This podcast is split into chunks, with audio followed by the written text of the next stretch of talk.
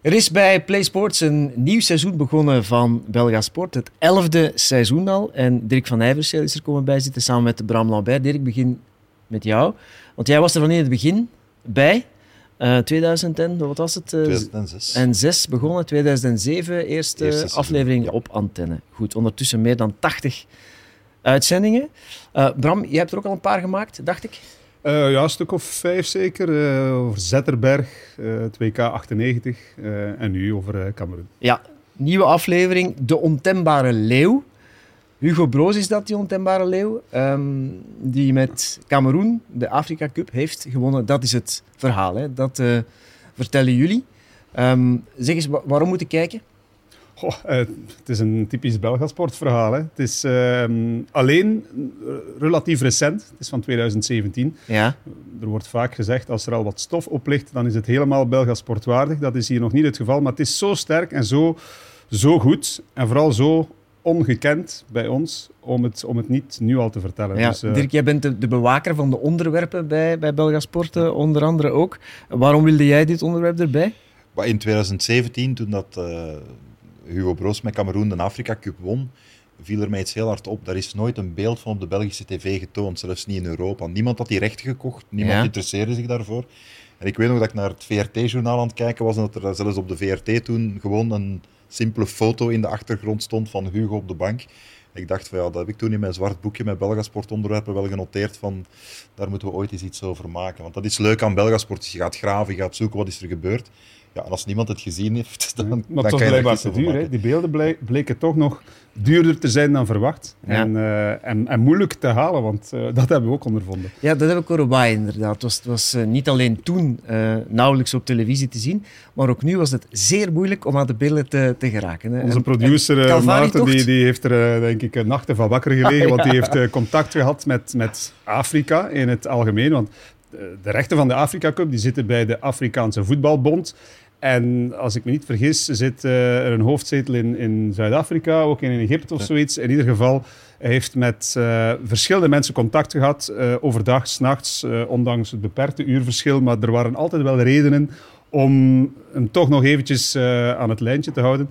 Uiteindelijk is het gelukt. Hij heeft de beelden kunnen bemachtigen van de verschillende wedstrijden van Cameroen op de Afrika Cup.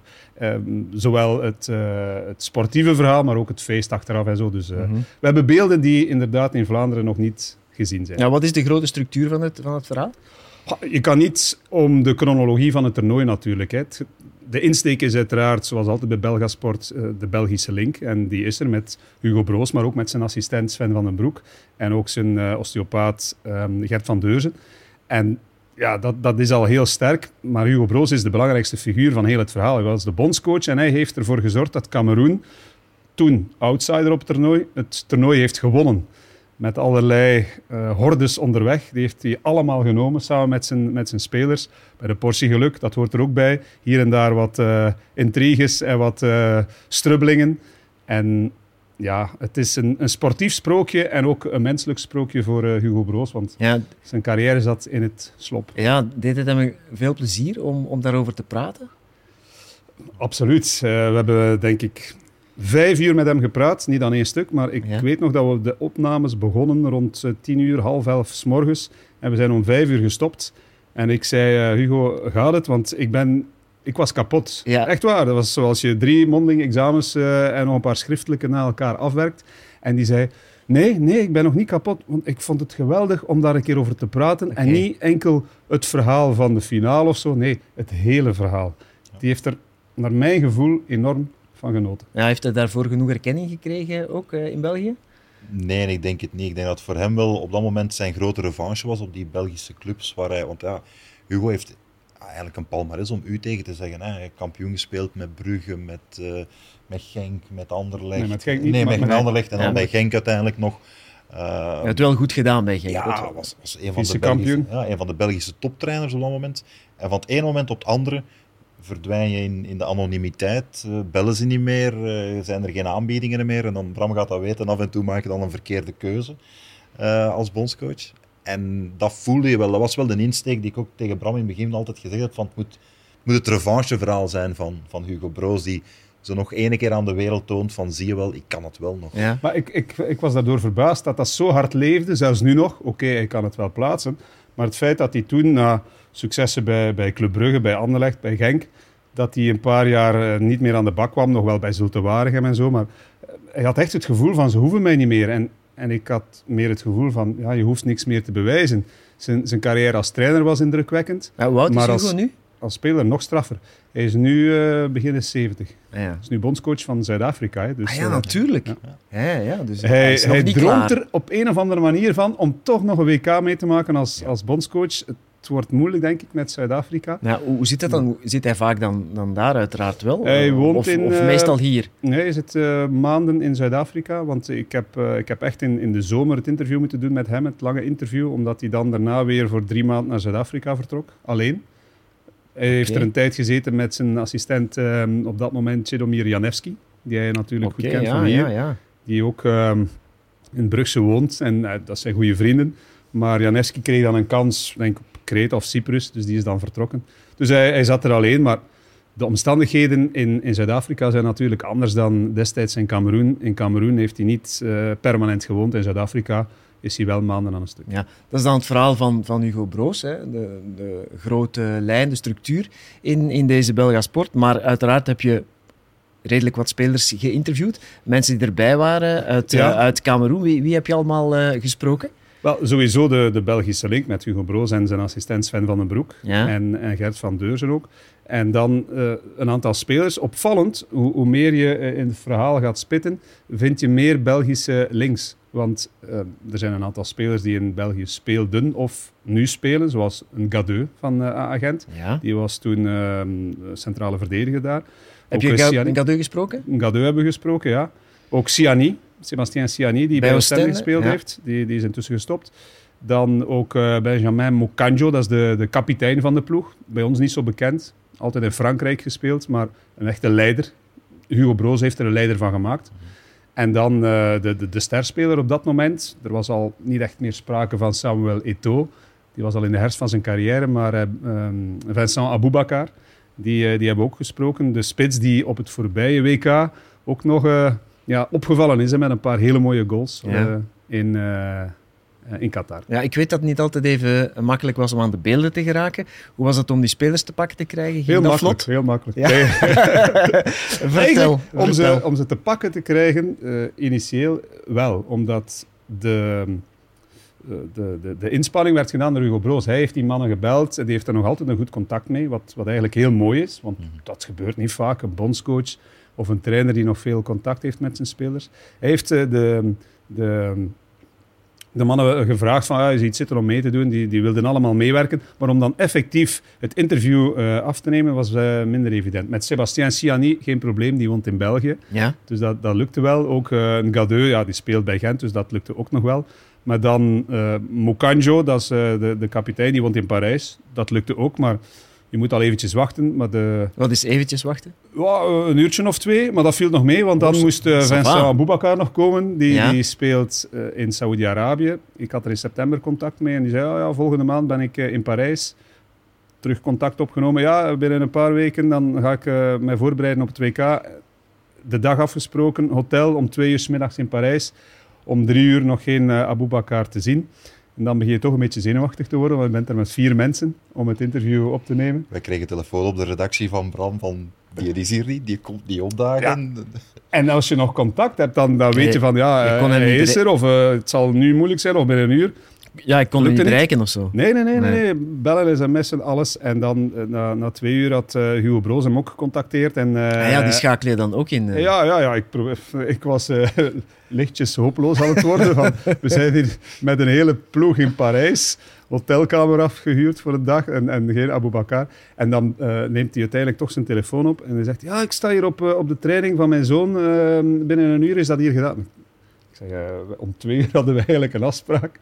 Dus die is om, eh, om zes uur, kwart over zes, is hij eh, het hotel binnengestapt met een zeer ontwapenende glimlach. En alles was vergeten en vergeven. Oké, en hoe lang heb je dan met hem gepraat? Wat toch een kleine twee uur. Ja, Speciale figuur. oké. Ja. Ja, je hebt- Heel, heel speciaal. zoals bij alle El- Belgasports heb je heel veel uren materiaal bij elkaar. Welke fragmenten hebben de cut niet gehaald? Ik heb eens geteld. Ik denk dat we qua interviewmateriaal al boven de 20 uur zitten. Dus dat, dat Ja, jij, jij luistert die dan allemaal zelf uit. Eh, niet allemaal, want er zaten een paar Franstaligen bij. Die hebben, we hebben gelukkig eh goede mensen die eh, het Frans ehm, iets machtiger zijn dan mezelf. En die, eh, die, halen, die beluisteren het dan. Ja. En eh, uiteindelijk, eh, van, van de interviews, ja, daar moet je sowieso keuzes in maken. En de verhalen, ja, kleine en grote verhalen, die soms geen plaats hebben in, eh, in de docu, of die gewoon te lang zijn om ze er... eh, Ik ben af en toe streng moeten zijn tegen Is het waar, ja? Kill Your Darlings. Maar in, in dit, in dit verhaal denk ik dat het meevalt. Want ja, je wil het sportieve verhaal van Cameroen op dat, op dat toernooi brengen. En daar zaten heel veel twists en turns in. Dus ja, dat, dat, is, dat is zo logisch en, en duidelijk. Maar de, de kleinere verhalen, ik zeg maar iets. Hugo Broos is daar toegekomen en de eerste maanden had hij echt het gevoel... ehm, ja, Afrika, ontdekkingstocht. En ik snap dat ook. Zeker Want had, in, had hij toen al ervaring met, met eh, coachen in, Afrika? in Algerije geweest. Ja. Dat is anders dan eh Anders dan Zwart-Afrika. ja. ja. Zuid-Afrika is nog anders. Maar eh Cameroen is, is een heel moeilijk land. Ehm, grappig is, ik heb dat aan alle mensen gevraagd die ik gesproken heb. Ehm, waarom is dat moeilijk? Ja, ze werken elkaar, zo lijkt het allemaal tegen. In plaats van aan hetzelfde zeel te trekken. Nee, ehm, belangenvermenging. Het gaat ook over geld natuurlijk. Iedereen wil bij die nationale ploeg horen eh, in de voetbalwereld. En als je probeert aan iemand te vragen, van, eh, leg Cameroen eens uit. Siani had een geweldige quote, die zei van... eh, als iemand jou uitlegt hoe Cameroen in elkaar zit en je zegt dat je het begrepen hebt, dan wil dat zeggen dat die persoon het niet goed uitgelegd heeft. Ja, ja, Want het is niet te begrijpen. Het is niet te Je, begrijpen. kan het niet gelu- ja, je kan niet snappen hoe Cameroen in elkaar Ja, zit. het lijkt wel België op een of andere manier. Oh, nee, maar in het kwadraat. In het kwadraat. Ja. Nog veel moeilijker. ja.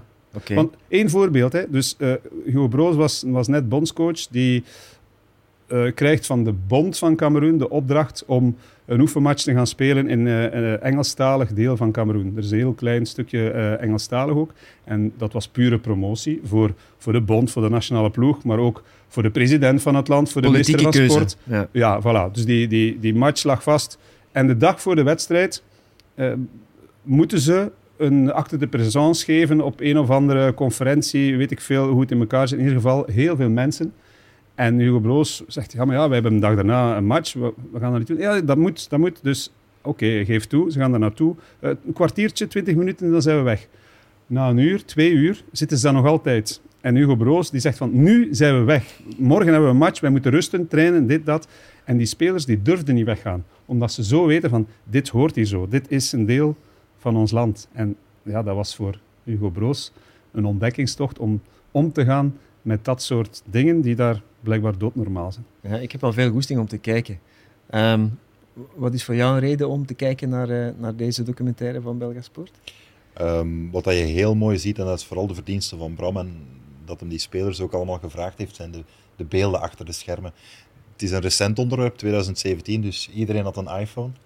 Dus eh, er Ah, heb zit, je, je hebt beelden gekregen er van, zit, eh, van er zit heel veel beeld in dat de spelers en de staf zelf gedraaid hebben. Dat geeft echt een hele mooie inkijk achter de schermen en hoe het, ja, die Belg daar, die, die, die blanke man, dat daar met Cameroen eh, gefixt heeft. hè. En dat- Ja. daar zitten echt hele mooie momenten in. Ja, Dat is zeker een reden om te kijken. Spreken die spelers ook met veel liefde over Hugo Broos?